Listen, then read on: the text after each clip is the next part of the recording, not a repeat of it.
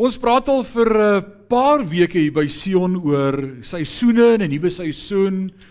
En toe ek hierdie week stil word en terugdink oor die preek hierdie afgelope ruk en hoe die Here ons gelei het ook deur sy woord, toe besef ek ons het reeds daardie Sondag in Augustus, jy weet daardie Sondag onthou ek het hier by die tafel gesit en ek het gepraat oor Moses en die braambos. Wie was daardie oggend hier gewees? Toe ons gepraat het oor Moses, maar toe jy onthou dit. Ons het gepraat oor Moses en die braambos en en die vuur en en en hoe jy soms moet draai na hierdie momente in jou lewe toe waar daar bosse is wat brand en kyk daarin of jy nie God se hand daarin sien nie.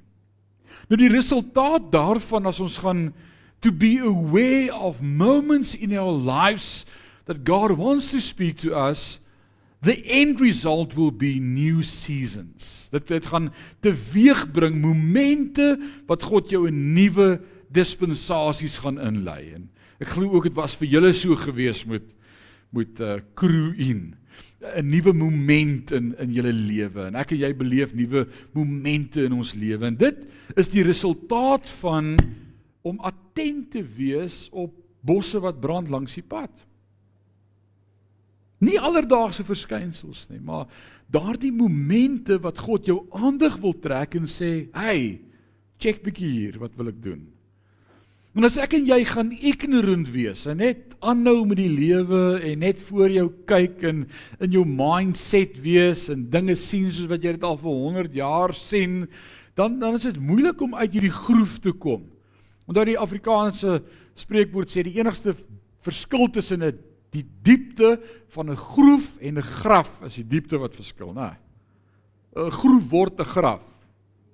As jy lank genoeg in hom bly. So in my gebed vir elkeen van ons is dat ons nie in 'n graf gaan beland nie of in 'n groef nie, maar dat die Here ons soms kan herposisioneer, kan skuif. En toe het ons begin praat oor nuwe seisoene en hoe kan ek en jy van my kant af nie nie God help nie, maar meer paraat wees en attent wees op die hand van die Here en wat hy wil doen in my lewe, 'n nuwe seisoen teweeg te bring. En ons het vir mekaar gesê, hou fokus op jouself. Kry nou net klaar met jouself en om jouself jammer te kry, fokus op ander. Is dit nie die hart van die evangelie nie? Fokus op ander.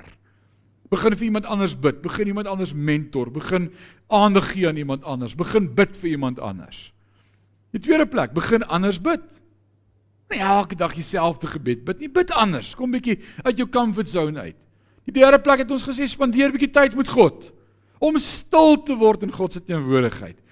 Om net soms sy teenwoordigheid te geniet, net rustig te wees by hom en sommer net te weet, oh, hy's daar en hy's hier en hy's met my en ek's by hom en en wie weet daar's nie eers woorde nodig om vir God iets te sê nie.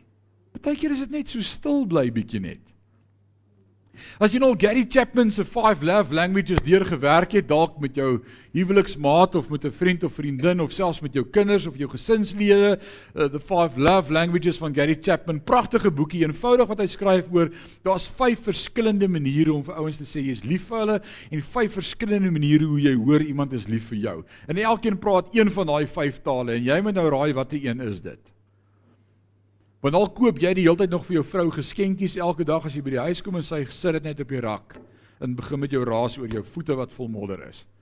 Want dis nie haar love language nie. So vind uit wat is sy of haar love language, gaan jou baie geld spaar, by the way. Ek en my vrou het lank al uitgevind, ons love language is nie geskenkies nie. Help nie ons koop vir mekaar geskenke nie. Dis dis nie ons hart nie. Ons hart is kwaliteit tyd kwaliteit tyd om saam met haar te sit en net haar hand vas te hou en by haar te wees en en as ek vir haar vra, "Wil jy nie saam met my dorp toe kom nie?" dan sê sy, "Nee, net die dorp nie." Is dit ons love languages verskil soms? Ons was nie ewe lief vir die dorp nie. Wie van julle voel ook so? Nee, net by die huis bly eet, net die dorp toe nie. Dalk is seef se love language, kom ons gaan eet ietsie, ons gaan 'n bietjie uit. Dan ja, met net sê ja, kom ons gaan. Ons verskil. Maar weet jy wat om by God net soms stil te word en net stil te bly en stil te wees, 'n amazing ding wat gebeur in jou geestelike lewe. Om net stil te wees, om te sê Here, hier's ek en ek weet U is hier. Ek wil net in U teenwoordigheid wees. Wil net U wees. En dan kom die vierde awesome ding en ons het mekaar gesê kom bietjie buite, kom in die natuur. So lekker as ek daar by my maale sit en by ons agterstoep en jy kyk so in die natuur en die bome en jy hoor die wind wat so deur die blare ritsel en en jy beleef net sommer God se grootheid. Retief Burger skryf 'n lied en hy sê uh, die, hy sê hoë berge, diepe dale en alles roep uit, daar moet 'n God wees. Daar is 'n God. Maar dit is so awesome wanneer jy in die natuur begin luister en en en kans jy dat die natuur ook met jou praat en vir jou sê, "Hey, daar's 'n God." Paulus skryf in Romeine en hy sê selfs vir die ou wat sê daar's nie 'n God nie, jy weet daar's 'n God, want die natuur roep uit daar's 'n God. Jy gaan nie eendag sê jy het nie geweet of niemand het vir jou gesê nie. Ekskuus vir hierdie geklik klik, dis net om die ouens wakker te hou. So ek hoop nou nie dit mis 'n beat met jou pas aangee nie, want anders moeilikheid. Dan maak dit so vir dokter Henry, het sy sal nader staan. Dis 'n geraas wat ons nie wegkry vir môre nie. Ek wil jou vanmôre vat na ons storie van vandag. Ons het laasweek gekyk na Elia en hoe God momente in Elia se lewe gebruik het. Uh Isebel, hy vlug weg van haar af, dagreis ver, los sy sy handlanger daar vlug nog 40 dae verder die woestyn in en uiteindelik toe God met hom opvang, toe sê hy vir hom: "Wat soek jy hier?" En soms is daar oomblikke in my en jou lewe wat God ook vir ons vra, wat soek jy hier? Hoe het jy hier gekom? Waarmee is jy besig? Waarheen is jy op pad? En net weer 'n woord by God te kry vir 'n nuwe seisoen. Kry iemand anders om op te fokus as jouself. Aanbid God. Wees net daar vir hom en begin net beweeg. God gaan iets doen, jy gaan dit sien. Vandag wil ek met jou praat oor twee manne uit die Ou Testament. En ons gaan kyk na hulle lewe en momente en en wat in hulle lewe gehelp het vir hulle om in 'n nuwe seisoen in te beweeg. Wat was dit? En hierdie twee ouens vanmôre gaan ons praat oor Saggeus en ons gaan praat oor Abraham. Albei is mos in die Ou Testament, né? Is Saggeus ook in die Ou Testament? Nee. as jy mooi kyk na die manier hoe jy die Bybel lees en ons noem dit 'n bietjie hermeneutiek vanmôre en ek wil jou nie 'n lesing daaroor gee nie want hier sit ons ekspert uh, wat daarin spesialiseer Prof. Marius Nel. Ek kan nie voor hom praat oor oor hermeneutiek in die besonder nie maar vir my is die draaipunt in die lees van die Bybel altyd die kruis. Voor die kruis sien ek God deel met die Jood en en hy deel met Israel en hy deel met die verbond en hy deel met met die verbondsvolk. Maar die kruis het vir my en vir jou lewe gebring en na die kruis begin die Nuwe Testament vir ons eintlik eers as kerk. Want Paulus sê dis nog 'n verborgenheid, né? Nee, dis voor die kruis weggesteek, maar na die kruis word dit ontbloot en en is hierdie nuwe dispensasie van kerk wees. So Saggeus se verhaal in die Bybel vind ons in Lukas 19 wat nog voor die kruis is. So eintlik is dit nog in die tyd van die wet. En ek wil hê ons moet so daarna kyk vanmôre want dit gaan jou help om dit anders te sien. Alraai, so ons kyk vanmôre na Saggeus en almal van ons ken hierdie sonnaskool koortjie wat ons gesing het toe ons in die sonnaskool was wat so gegaan het. Saggeus was 'n klein man en 'n baie klein man was hy. Ek kan nou sien wie sonnaskool gemis. Hy klim toe op in die willevye boom om die meester te kan sien. En toe die meester daar verbykom, kyk hy op en sê: "Saggeus, klim af. Ek gaan na jou huis vandag." Ken jy daai liedjie, juffrou? Jy moet laat ouma hom vir jou leer, hoor? Saggeus. Nou kom ons kyk wat sê die woord vanmôre vir my en vir jou oor die lewe van Saggeus. Julle gaan nou dink as die pastoor nie weet wat om te preek nie, sing hy sonnaskool koortjies. Die Here werk so. Alraight.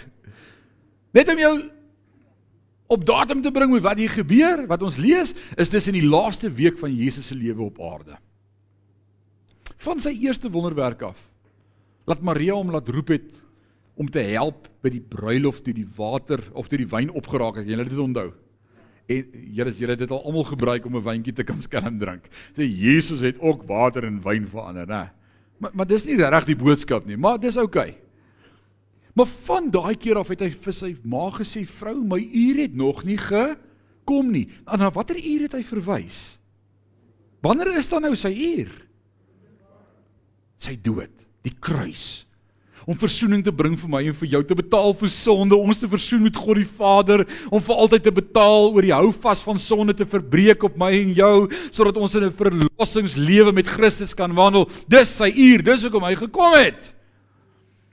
So hierdie is sy laaste week op aarde. Dis net voordat sy uur aanbreek. Hy weet die einde is in sig. Hy's op pad Jerusalem toe met sy disippels. Ons gaan oor 'n paar dae lees in daardie gedeelte in Johannes 13 waar Jesus daar aankom die bo vertrek en dan alles wat daarna gebeur het daai nag, sy gebed in die tuin, hy word gevange geneem, verskyn uh, voor die voor die hoofpriester en dan ook voor die Romeinse keiser en dan word hy uitgelewer en verruil vir Barnabas. Daardie verhaal so soos 'n eindes in sig. En dan op pad na Jerusalem gaan hy deur hierdie stad met die naam van Jerigo. Nou Jerigo in die Bybel die eerste keer wanneer ek en jy reg uh, kennis neem van Jerigo is toe God sy volk in die beloofde land uiteindelik gearriveer Joshua en Caleb en dan by Jerigo gebeur daar 'n awesome ding as hulle hierdie stad in besit neem. Vir 6 dae stap hulle elke dag een keer om die stad. En dan die sewende dag met trompette en trompetgeblaas en geraas en tamboeryne en geskree. Dalk het hulle toe daardie lied geskryf reise haleluja Imagine dit. Ek dink dis wat gebeur het. Almal het so hard as wat hulle kon daardie Israeliete geskree. Hallel Jahwe, haleluja. En iets gebeur daai sewende keer toe hulle om is val daai stad se mure om. En daardie afgebreekte mure spreek konstant van 'n prentjie van 'n God wat bemoeienis maak en antwoord. En nou in hierdie stad beweeg God deur daardie stad op pad na Jerusalem so Ons vind Jerigo so 26 km noordoos van Jerusalem. Daar's nog so 26 km se stap om in Jerusalem te kom. Jesus is op pad om af te beweeg vir die Paasfees wat volgende week gaan wees. En dan in Jerigo gebeur hierdie insident vandag. En ons vind dit in Lukas 19. En Jesus het Jerigo binne gegaan en deur die stad gestap. Nou ek wil hê ons moet dit lees in konteks van dit wat ons nou gaan sien hierna. Hy het gestap en gesoek. Hy stap en hy kyk. Hy hy hy stap op soek na iets of iemand. Ons gaan dit nou sien. En daar was iemand met die naam van Saggeus. Hy was 'n hooftollenaar en 'n ryk man. En die feit dat Lukas dit vir ons so skryf, is daar geskryf om vir my en vir jou te sê hy was nie 'n normale tollenaar nie. Tollenaar was eintlik maar 'n arm ou gewees. Dit dit was dis soos 'n ontvanger van inkomste. Niemand like hulle nie. En hulle het nie baie geld verdien nie. Hulle het moes maar net die die die geld bymekaar maak en oorbetaal aan die keiser. En maar hierdie Lukas skryf hy was 'n ryk tollenaar. Nou daar kan net een manier wees hoe jy ryk en 'n tollenaar kan wees, beteken jy was skelm. En hy was.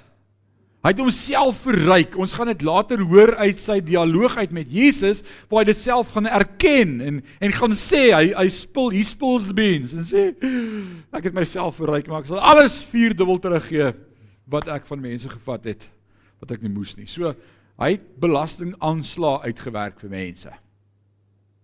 Hy was soos die ontvanger. Wie van julle hou almal van die ontvanger van inkomste? Steek julle aan op. Almal hoog. Ag nee, sies vir julle. Niemand hou van hom nie. Behalwe daai een keer 'n jaar as jy jou aanslag invul en jy kan dalk iets terugkry. Dan dan is jy baie bly vir die ontvanger, né?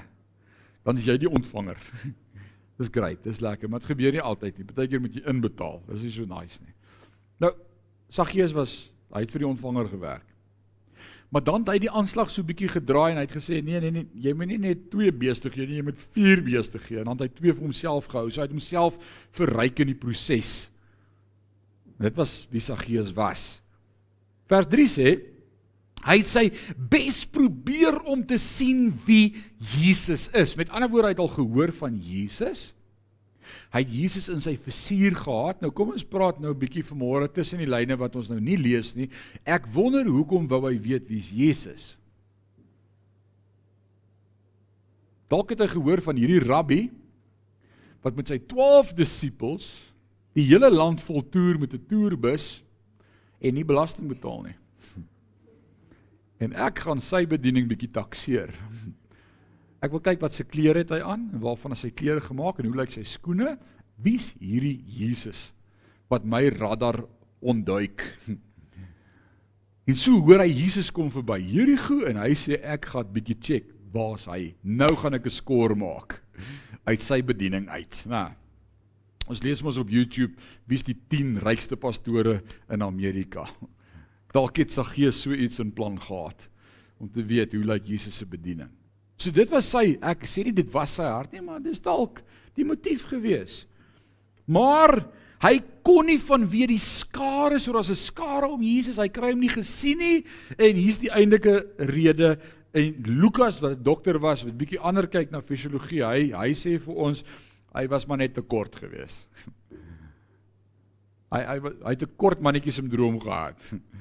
hy hy kan nie lekker oor die skare kyk nie. So hy was kort geweest. Nou nou, nou maak hy 'n plan. Hy hy's vindingryk. Hy hy hardloop vooruit en klim in 'n vrye boom om Jesus te kan sien toe hy daar verbygaan. So so dis die toneel wat homself hier afskets. Saggeus, 'n ryk Romeinse amptenaar. Hy, hy is 'n is nie 'n Jood nie. Hy's 'n Romeinse amptenaar. Alraai. So 'n Italianer met sy kardusie soet. En hy hardloop en dis die eerste keer wat jy lees van 'n Romeinse amptenaar wat hardloop in die Bybel. Dis hier. Zie, ons lees af van jy moet dit raak sien. En hy hardloop en hy klim in 'n boom. Johannes Calvin het gesê die grondslag van die geloof is kinderlike nuuskierigheid en eenvoud. Is dit nie pragtig nie? Die grondslag vir ons Christelike geloof is kinderlike nuuskierigheid en eenvoud. Nou wie weet 'n kind is 'n nuuskierige ding. En ons was nie een kinders gewees nie. Ons is grootgebore mos. Ja, ons is almal nuuskierig. As jy hoor hier jou buurman is hier by die draad besig en jy hoor goed skuif en alles net nou net nou dan kyk jy oor of jy kan sien wat doen die man. Wat jy wil daarom net weet wat gaan aan. Jy weet jy gee daarom net om. Jy weet daar kan jy help. Nee, jy's nuuskierig. Jy's net nuuskierig. Of as jy stap en jy hoor ouens praat oor iets en jy staan so bietjie nader en jy oor maak so Wat wat wat? Jy's nuuskierig. Nou so was Saggeus nuuskierig. Daar was 'n nuuskierigheid gewees by hom rondom Jesus en ek ek wil amper sê kinderlikheid. Nou vir my pragtig as ons lees in Lukas 18 wat net die vorige hoofstuk is van hoofstuk 19 vir die wat dit nie geweet het nie, is baie interessant. Is 18 kom altyd voor 19.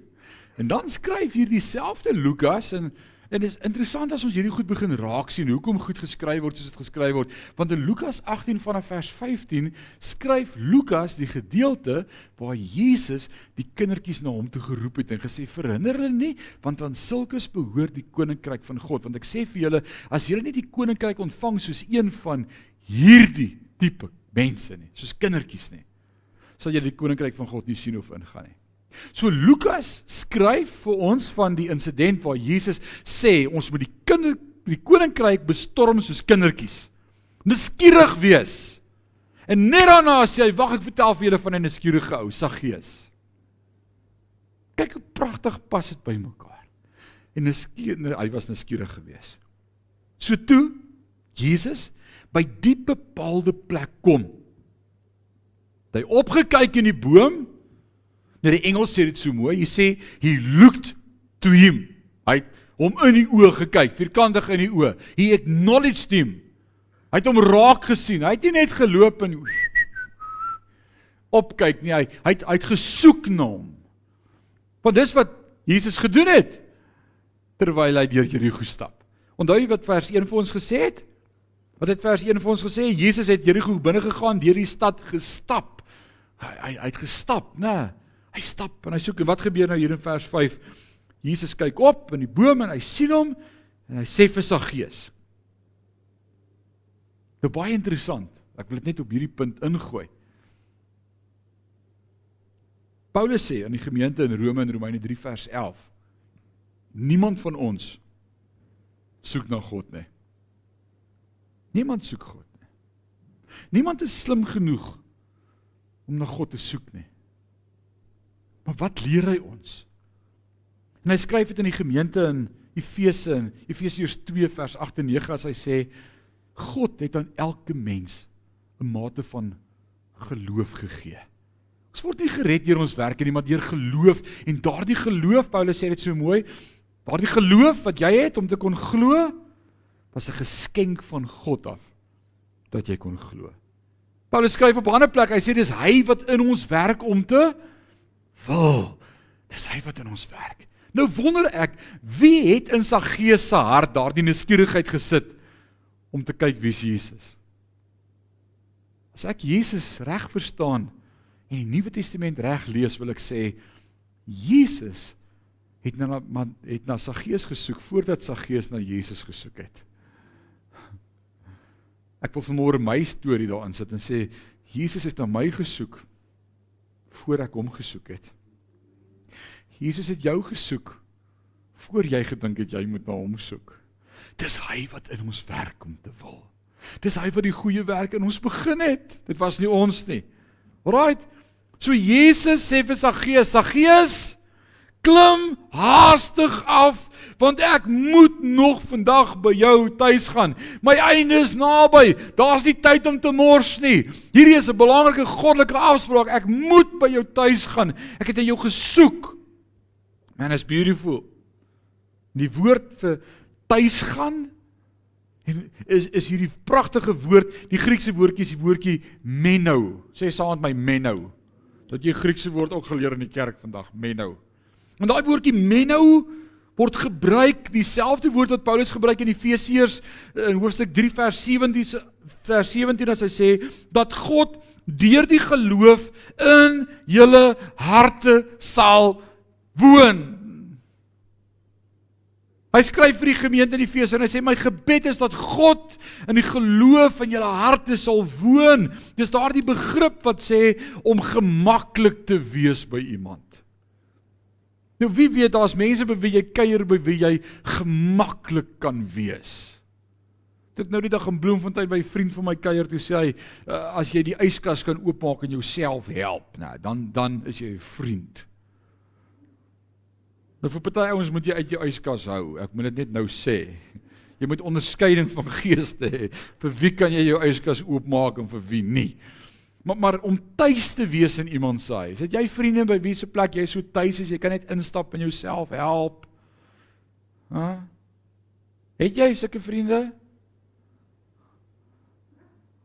Ooh, right, right. Ek bly ek sien daai vriend nie. right. En jy moet sulke vriende hê. En dis dis die woord wat die gedagte wat hier gebruik word dat hy sê sy gees kom haastig af want ek moet nog vandag by jou tuis gaan. Hy woordjie tuis gaan as ek wil gemaklik wees by jou. Ek wil ek wil sommer net wees by jou. Ek wil jy moet rustig wees in my teenwoordigheid en ek by jou. Man. Dit is vir my interessant soms as ons in 'n groepsverband is of jy's tussen mense, veral Christelike mense, en dan word geleentheid gegee vir gebed of om met God te praat dan luister ek bietjie hoe praat ander ouens met die Here. Nou gaan jy sê ek gaan nou nooit weer voor die pastoor bid nie want hy luister ook bid. Maar ek ek sê maar net. Dis interessant om te hoor hoe mense met God praat. Let jy op as ander ouens bid? Party ouens is baie gemaklik om met God te praat. Inteendeel as jy vra wie gaan bid dan begin hulle al. Dis dis maklik. Maar vir party ouens is dit moeilik om met God te praat. Hulle Hulle weet nie hoe moet hulle staan of of of Here jy, jy jy kan dadelik uit iemand se gebedstyl uit agterkom of hy tuis is in God se teenwoordigheid en of hy ongemaklik is. Nou sê ek vir myself altyd self as as my seun, my oudste seun Christian of Dewald by my sou kom staan en sê Pa, eh, dis Christian hier, jou oudste seun. Ja, ek weet wie jy is, Chris. Ek dra 'n bril, maar ek kan nog sien. Ek bedoel ek weet mos wie hy. Of as Dewald by my sou kom en sê Pa, dis Dewald, jou jongste geborene. Ek sal dink hier's groot fout met die man. Maar weet jy wat, my kinders is so gemaklik in my huis. Hulle skree vir my uit hulle kamer uit. Is dit nie jou huis ook so? Pa! Dan wil ek altyd stype kry. Dan stap ek tot by hulle want ek wil nou nie terugskree. Ja! Dan stap ek na hulle kamer toe en sê, moenie vir my skree nie. As jy vir my iets wil sê, kom na my toe. Almal wat moeg en oorlaai is. Kom na my toe. Maar maar die die die gemaklikheid in ons huis. Hulle het respek vir my. Ek is seker. Veral as ek die bel te my hand vashou, maar maar hulle is gemaklik om vir my te skree. Pa! Ek dink ons bure dink ons is almal doof. Want dan skree ek terug. Ja! Dit is mos gemaklik. Of as ek daar by my ma gaan kuier en sy sê sy gaan net gou haar foon haal en is 'n halfuur later en sy kom nie terug nie, dan skree ek sommer daar in die huis en ma, waar's jy? Hoe ek het besig geraak met al my WhatsApps. Maar daar's 'n gemaklikheid met jou ouers. En ek dink dis die hart van wat Jesus hier wil kommunikeer en wat Lukas vir ons skryf is, daar's 'n gemaklikheid. Hy sê ek wil by jou tuis gaan. Ek wil nie net hier sit God op die troon en hier sit Saggeus en kyk vir mekaar die hele tyd nie. Nee. So hy connect met hom. Nou hier gebeur 'n fenomenaal interessante ding en ek wil hê jy moet dit saam met my sien vanmôre want dit is life changing. Saggeus het toe haastig afgeklim. Jesus sê vir Saggeus klim af. Wat doen Saggeus? Hy klim af. Sê saam met my die woord gehoorsaamheid. Die eerste en belangrikste ding in my en jou lewe om 'n nuwe seisoen te beleef is maak jou ore oop. Imagine as Saggeus hom doof gehou het op hierdie oomblik. Of sê wie Saggeus? Ons maak mos soms so as God met ons praat. As die Here met jou praat en sê, "Hey, ek wil hê jy moet so maak," dan sê dit so. Hierdie kan nie 'n woord van die Here wees vir my nie. Ek wonder vir wie moet ek hierdie woord gee? Nou, julle weet presies want ons doen dit almal. As die Here met jou praat en daardie stil stemmetjie in jou hart werk en vir jou sê, "Hey, steek jou hand in jou sak en haal geld uit en bless daai boemelaar," dan is dit soos Nee, hierdie kan nie van die Here wees nie. Hy moet werk vir sy geld. Die woord sê wie nie werk nie kan nie eet nie. Kry vir jou werk. Ek wil vanmôre vir jou sê as jy God se stem oomblikke in jou lewe gaan mis, gaan jy 'n nuwe seisoen mis. Want God lei ons in 'n seisoen in meer as ooit vantevore wat hy wil hê ons moet gehoorsaam wees. Ons moet leer om sensitief te wees vir sy stem en as hy praat, moet ek sê hoe hoog. Dis hoe dit moet werk. As Saggeus hierdie oomblik gemis het, dalk het sy kortheid die beste van hom gekry en hy was skaam of hy wil nie voor almal 'n bespotting van homself maak en hier uit die boom uitval nie. En weet niemand het geweet hy's in die boom nie behalwe Jesus. En nou sê Jesus nog voor almal vir hom sy gees en ek voel daarom nou baie gekrenk in my eer dat u my naam so Wat is die woord wat ons deur dat u my so uitgehaal het voor die skare? Ek is daarom 'n Romeinse amptenaar en laat nie so met my praat voor die mense nie. Maar sy gees reageer met gehoorsaamheid en hy klim dadelik uit die boom.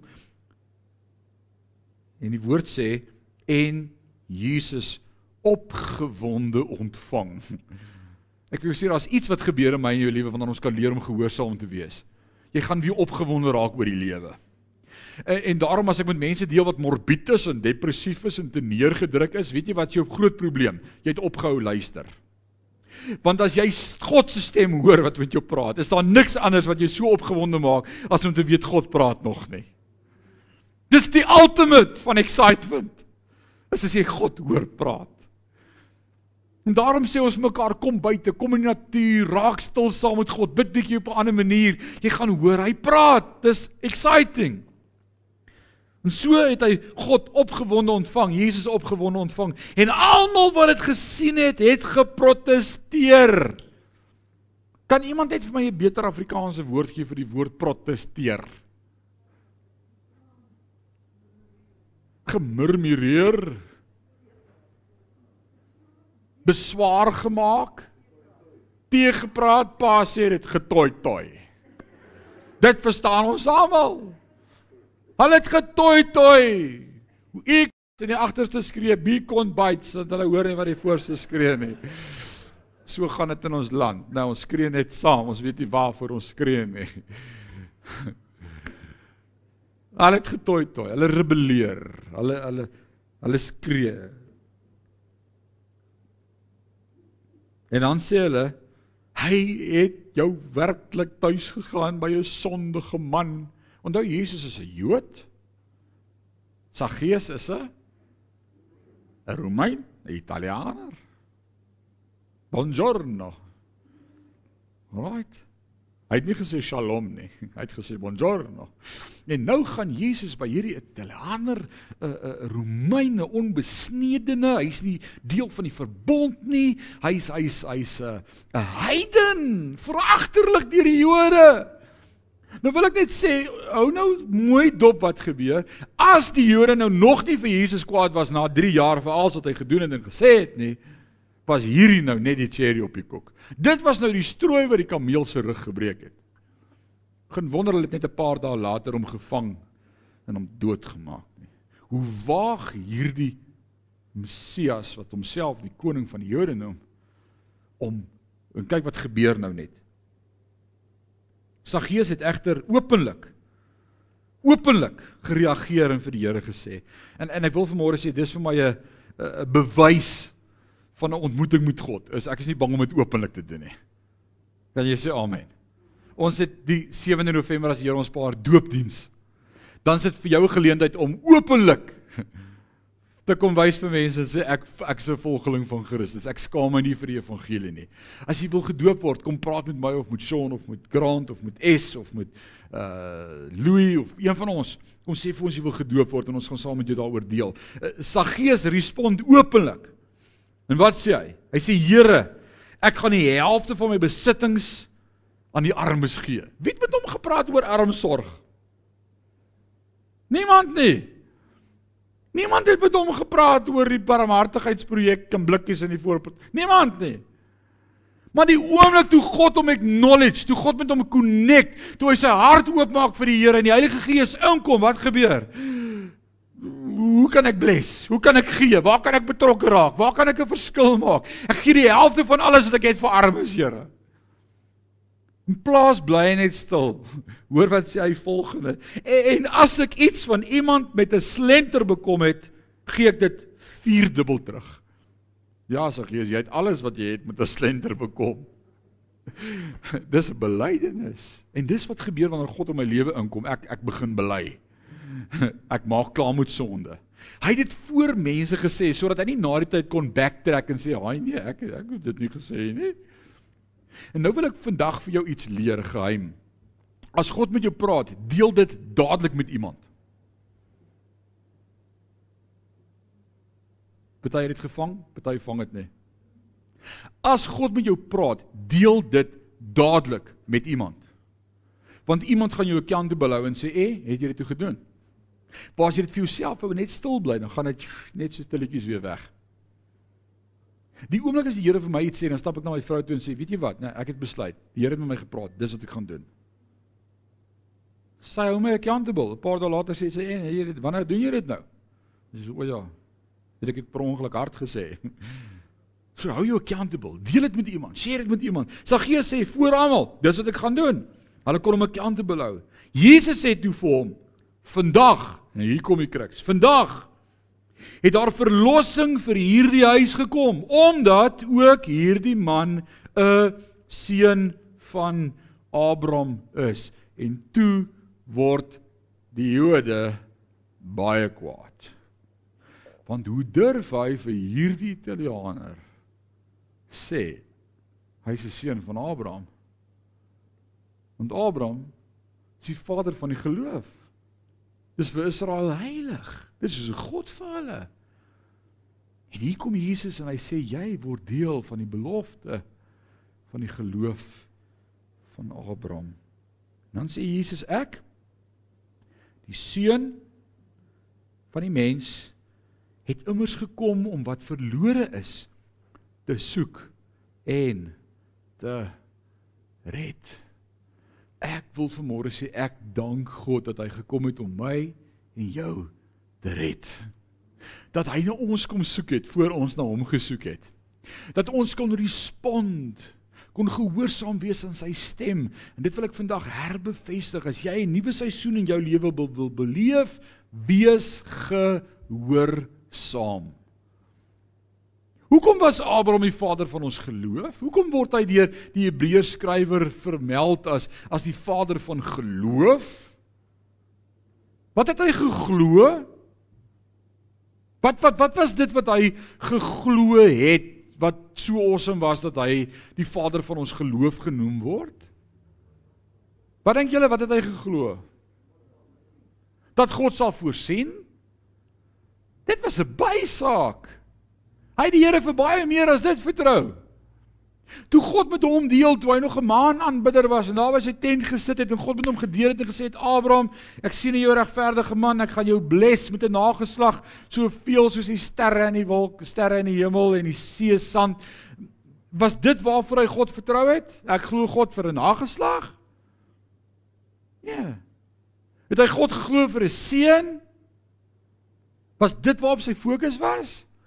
Nee, want hy was tot bereid om vir Isak te gaan offer. Het hy het hy God geglo vir 'n groot naam, dit wat God gesê het ek ek ek gaan jou 'n groot naam gee? Wa, waarvoor het hy God geglo? Hoor wat skryf die Hebreërs skrywer in Hebreërs 11. Ouens, julle moet hierdie ken. Hebreërs 11 vers 15 sê as hulle vir terug verlang het na die land waaruit hy hulle weggeneem het, sou hulle die geleentheid gehad het om daarna terug te keer. So Hy het nie God net vertrou vir 'n nuwe plek of toe God gesê trek vir die land nie. Hier kom die kruks vers 16, maar hulle, dis Abraham en sy vrou en sy nageslag het na 'n beter vaderland. Dit is die hemele verlang. Daarom is God nie skaam om hulle God genoem te word nie. Trouwens, hy het vir hulle stad gereed gemaak omdat Abraham geglo het het hy toe hy op die proef gestel is vir Isak oorgegee as offer. So waarop was Abraham se geloof onwrikbaar gefestig? God het gesê daar's 'n ewige bestemming Abraham en ek gaan verlossing bewerk sodat jy saam met my vir die ewigheid kan wees in hiernamaals. Hy het die saligheidsplan met Abraham gedeel. Hy het verlossing met Abraham gedeel. Hy het gesê uit jou nageslagte gaan die Messias gebore word wat die hele wêreld gaan red sodat hulle vir altyd by my kan wees. Abraham, daar's baie beter daarbo as hier onder. En dis hoekom Abraham bereid was toe hy vir Isak moet offer om te sê kom ons kan net klaar met dit want dis nie wat belangrik is nie. Ek is op pad na ewige bestemming. My geloof is daar. Ek wil vir jou sê vandag wat maak vir my en vir jou dit die moeite werd om elke dag net deur die goed te gaan en te hanteer en fokus te behou. Wat? 'n Ewigheid saam met God. As ek my ewigheid saam met God voor oë moet verloor en uitsig moet hou en fokus op al hierdie ellende en moeilikheid en corona in uh, en nou met die met die verkiesing en al hierdie goed wat hier gebeur, wil ek vir jou sê ek gaan die depressiefste mens van alle mense wees. Maar daar's iets wat elke keer gebeur wanneer ek tot myself kom, myself fokus, wanneer ek wakker word in die nag, wanneer ek opstaan in die oggend, wanneer ek gaan lê. Here, ek sop pad na 'n ewige bestemming saam met U vir altyd en altyd en ek gaan dit nie mis nie. En niks kan my skei van die liefde van Christus nie. En omdat ek gefokus is op dit, wil ek ook luister as hy iets sê vir my om te doen. Ek wil vanmôre sê geloof en gehoorsaamheid is die basis vir enige ware grootheid om God te dien. Twee belangrike goed in my lewe. Geloof en gehoorsaamheid. Geloof het ons. Paulus sê hy het aan elkeen van ons 'n mate van geloof gegee. Hy hy het reeds vir ons gegee. Ek moet leer om gehoorsaam is vir my so mooi as die evangelie skryf. Jesus was gehoorsaam tot die tot die dood. Paulus skryf dit. Sy lering gee oor Jesus. Hy sê hy wat gehoorsaam was tot die dood. Wil jy graag 'n nuwe seisoen beleef en ervaar in jou geestelike lewe? Dan wil ek vanmôre vir jou vra, hoe gehoorsaam is jy? Hoe bereid is jy om dan te doen wat God met jou deel en vir jou sê? Ons sing dit so maklik, doen slegs u wil Heer, u wil met my. U pottebakker met my die klei vorm my en maak my.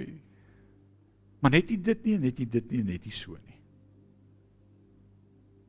As jy 'n nuwe seisoen wil beleef, sê vanmôre vir die Here, maak my ore oop en help my om gehoorsaam te wees. God gaan met jou praat. Kom ons bid saam. Ewige God en Hemelse Vader, dankie vir voorbeelde van manne uit u woord uit en die impak en die gevolg van gehoorsaamheid in hulle lewens dat hulle lewens so radikaal verander het en nooit weer dieselfde kon wees nie.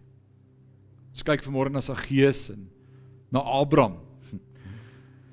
Here, ek wil vanmôre bid dat dit ook ons storie sal wees. Daardie dag wat U na ons gesoek het en ons gevind het. En ons dankie vanmôre daarvoor en dat dit reeds gebeur het in elkeen van ons se lewe. U het ons kom vind. Maar help ons om gehoorsaam te wees in alles wat U vir ons sê. Help ons om sensitief te wees vir die stem van die Heilige Gees wat met ons praat Ons sê so graag ons wil 'n nuwe seisoen beleef en nuwe momente en 'n nuwe fase ingaan in die teenwoordigheid en in 'n nuwe belewenis hê van wie God is en 'n in 'n nuwe werklikheid en 'n besef van die grootheid en ons bid vir herlewing en ons bid vir al hierdie great goed oor ons en om ons maar ons sukkel om te hoor. En as ons hoor dan is daar twyfel.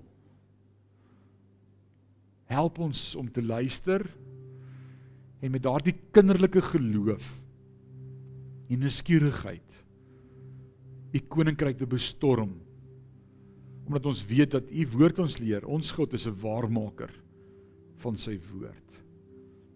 Dat ons soos kinders opnuut weer u koninkryk sal bestorm. Help ons om ons ore oop te maak en te luister.